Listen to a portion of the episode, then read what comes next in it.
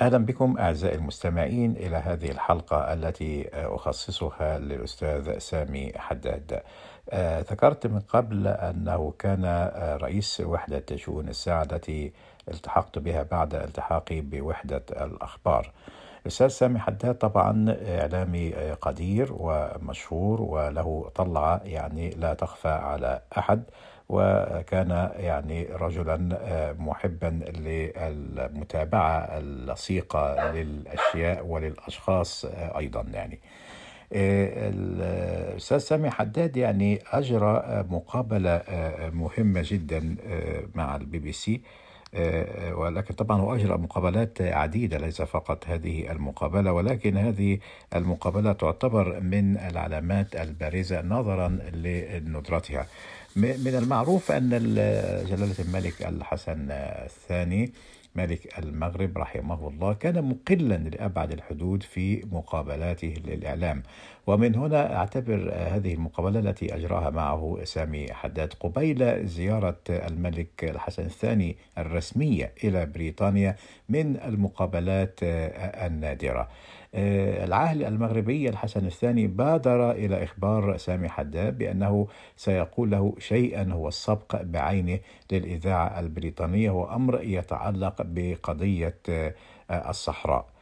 آه، قبل أن أذيع عليكم يعني ما قاله الملك الحسن الثاني أورد لكم مقابلة أجريتها أنا مع الأستاذ سامي حداد ويتحدث فيها عن نفسي وعن الشعر النبطي وكذلك يتحدث عن هذه المقابلة مع العاهل المغربي الملك الحسن الثاني. لنستمع أولا إلى سامي حداد. ذكرياتي في هيئة الإذاعة البريطاني طويلة إذ أنني عملت فيها حوالي 30 عاما من 65 إلى السبعين بعدين من 71 إلى 76 حينما انتقلت من الإذاعة إلى تلفزيون البي بي سي فقناة الجزيرة. أهم الذكريات كانت بتذكر عام 67 أثناء حرب 67 آه، في سابع يوم سابع يوم من الحرب آه، كنا نحن نستمع في أول أيام الحرب إلى إذاعة صوت العرب على الموجات القصيرة. إضرب يا أخي نصفة النفط. بشتعل في حيفا تجوع يا سمك البحر. ذهبنا إلى قسم الأخبار. الأخبار عنا إنه انتهت الدنيا يعني خراب البصرة حدث إنه انكسر العرب. وإذا بكل شيء يختلف عن عن عن عن, عن ما كنا نسمعه من إذاعة صوت العرب، اليوم في اليوم السابع كان عندي أنا قراءة نجره الأخبار في إذاعة الفجر، كان عندي مترجم، المترجم رحمه الله دكتور رياض استفانوس وكان من خيرة المترجمين. المهم قرأت الأخبار بعد الأخبار على أربعة ونص هنالك أقوال الصحف أقوال الصحف حوالي عشر دقائق. وكانت سامة كلها تتحدث عن الهزيمة شيء مقرف بشكل يعني. فيعني حتى إنه في إحدى الصحف آه، بوست كانت تقول إنه الرئيس عبد الناصر he unleashed his dogs of war. هذا الدكتور استفانس رحمه الله كان يترجم حرفيا كلمة بكلمة. فقال إنه أطلق كلابه الحربية وإلى آخره. وكانت الصحافة يعني شيء مقرف. فأنا لم أقرأ إلا حوالي ثلاث دقائق وكنت أسعل بين جملة وأخرى على أساس حتى لا أحاسب فيما بعد. طيب سامي يعني معروف عنك أنك لديك اهتمام بالشعر النبطي. هل حدثتنا قليلا آه أنا الدكتوراه اللي كنت عاوز أعملها كانت عن شعر نمر بن عدوان كان شيخ قبيلة العدوان في الأردن كان يحكمون منطقة وسط الأردن في القرن الثامن عشر. كان هو زعيم القبيلة وجمعت معظم شعره طيب هل لك ذكريات معينة بالنسبة لهذا الشعر وكبار الشخصيات في العالم العربي الذين التقيتهم؟ إيه، بالنسبة إلى الشعر البدوي لا أريد أن الحديث عن الشيوخ الذين قابلتهم في الصحراء وفي بيوت الشعر. كنت أنام عنهم حتى أستمع إلى قصائدهم وتواريخهم مساء. ولكن لي ذكريات مع بعض الزعماء العرب الذين قابلتهم. قابلت العديد منهم الرئيس سابق حسني مبارك علي عبد الله صالح الملك حسين الملك الحسن الثاني رحمه الله كان عندي آه، آه، آه، مقابلة لا بأس فيها لتذكير الشباب. ذهبنا بقسم من صحيفة التايمز اللندنية صحيفة الديلي تلغراف ممثل عن القسم الفرنسي في البي بي سي الإذاعات الخارجية وأنا ذهبنا عن القسم العربي ذهبنا إلى المغرب أسبوع ونحن ننتظر حتى يعطينا الملك مقابلات. وإذا بآخر يوم يقولون إن الملك سيعطي تصريحا فقط وأخذونا إلى الدار البيضاء. ذهبنا للدار البيضاء التقينا بالملك إحراج إنه أسبوع عاوزين مقابله فتبرعت أنا وقلت يا صاحب الجلالة العالم العربي يتعطش سماع صوتك في هذه الزيارة الرسمية إلى بريطانيا وإلى آخره، المهم تشجع الملك وقال كما تريد يا ابني، فأنا حتى أحصل على مقابلة في العربي بلشت المقابلة معه. في أثناء المقابلة طبعا الشيء إحنا كبي بي سي عاوزين أخبار يعني بالإضافة إلى الزيارة إلى بريطانيا وعلاقات والى آخره. سالته عن قضية الصحراء، الصحراء كانت لا زالت قائمة بين المغرب وجبهة بوليساريو. فمنه يا سيدي يا أخي يا ابني أنا إذا ما صار استفتاء فساكون أول بلد يعترف بالصحراء عاصمة للصحراويين ويعترف بالعيون عاصمة لها. انتهت المقابلة. أنا ركاب ذهبت إلى الفندق اتصلت في أخبار البي بي سي وأذيعت الم...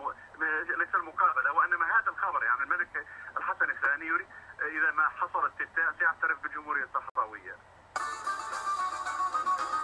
حقيقي جاءت عدة تعليقات على هذه المقابلة الخاصة بالعاهل المغربي الحسن الثاني رحمه الله. فمثلا عبد الله فرسطاوي قال شهدت هذه المقابلة في ذلك الوقت لعله يقصد استمع إليها. أتذكر أن سامي حداد كان تدخل أثناء تحدث الحسن الثاني عن حقائق تاريخية وأراد أن يتمم بعض المعلومات التي ترتبط بذلك السياق. فرمقه الملك بنظرة تدل على الإنزعاج فتوقف سامي حداد عن تدخله.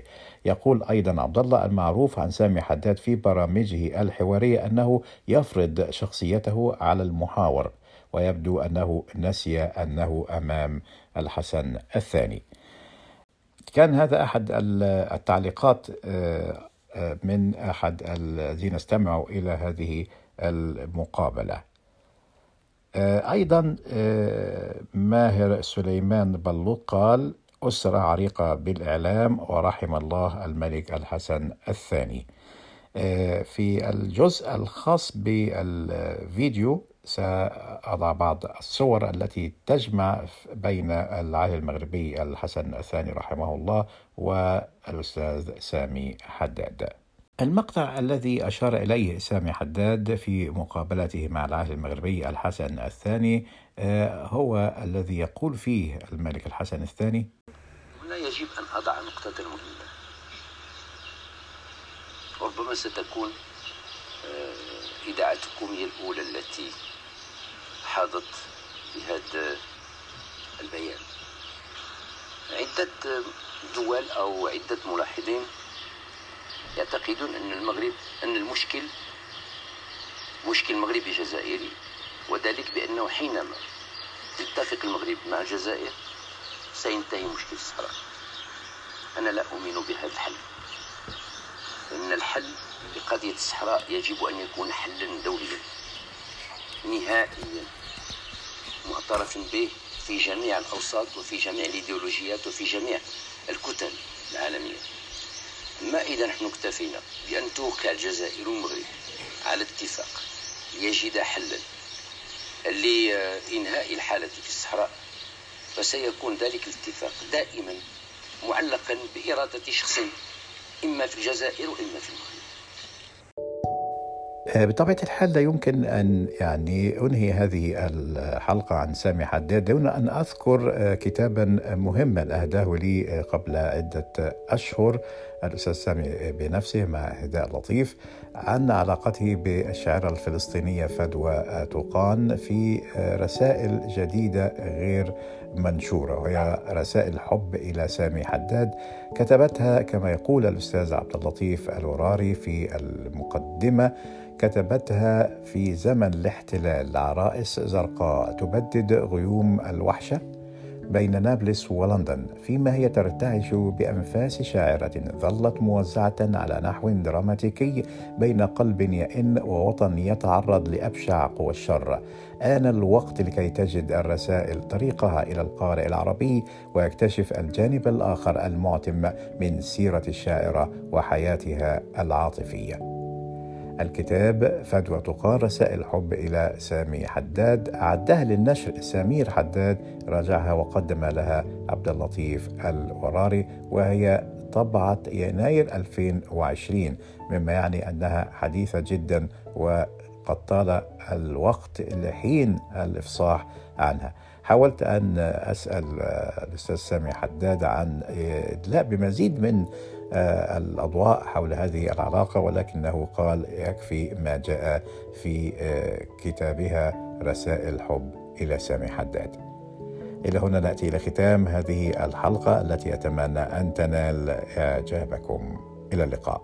فؤاد عبد الرازق.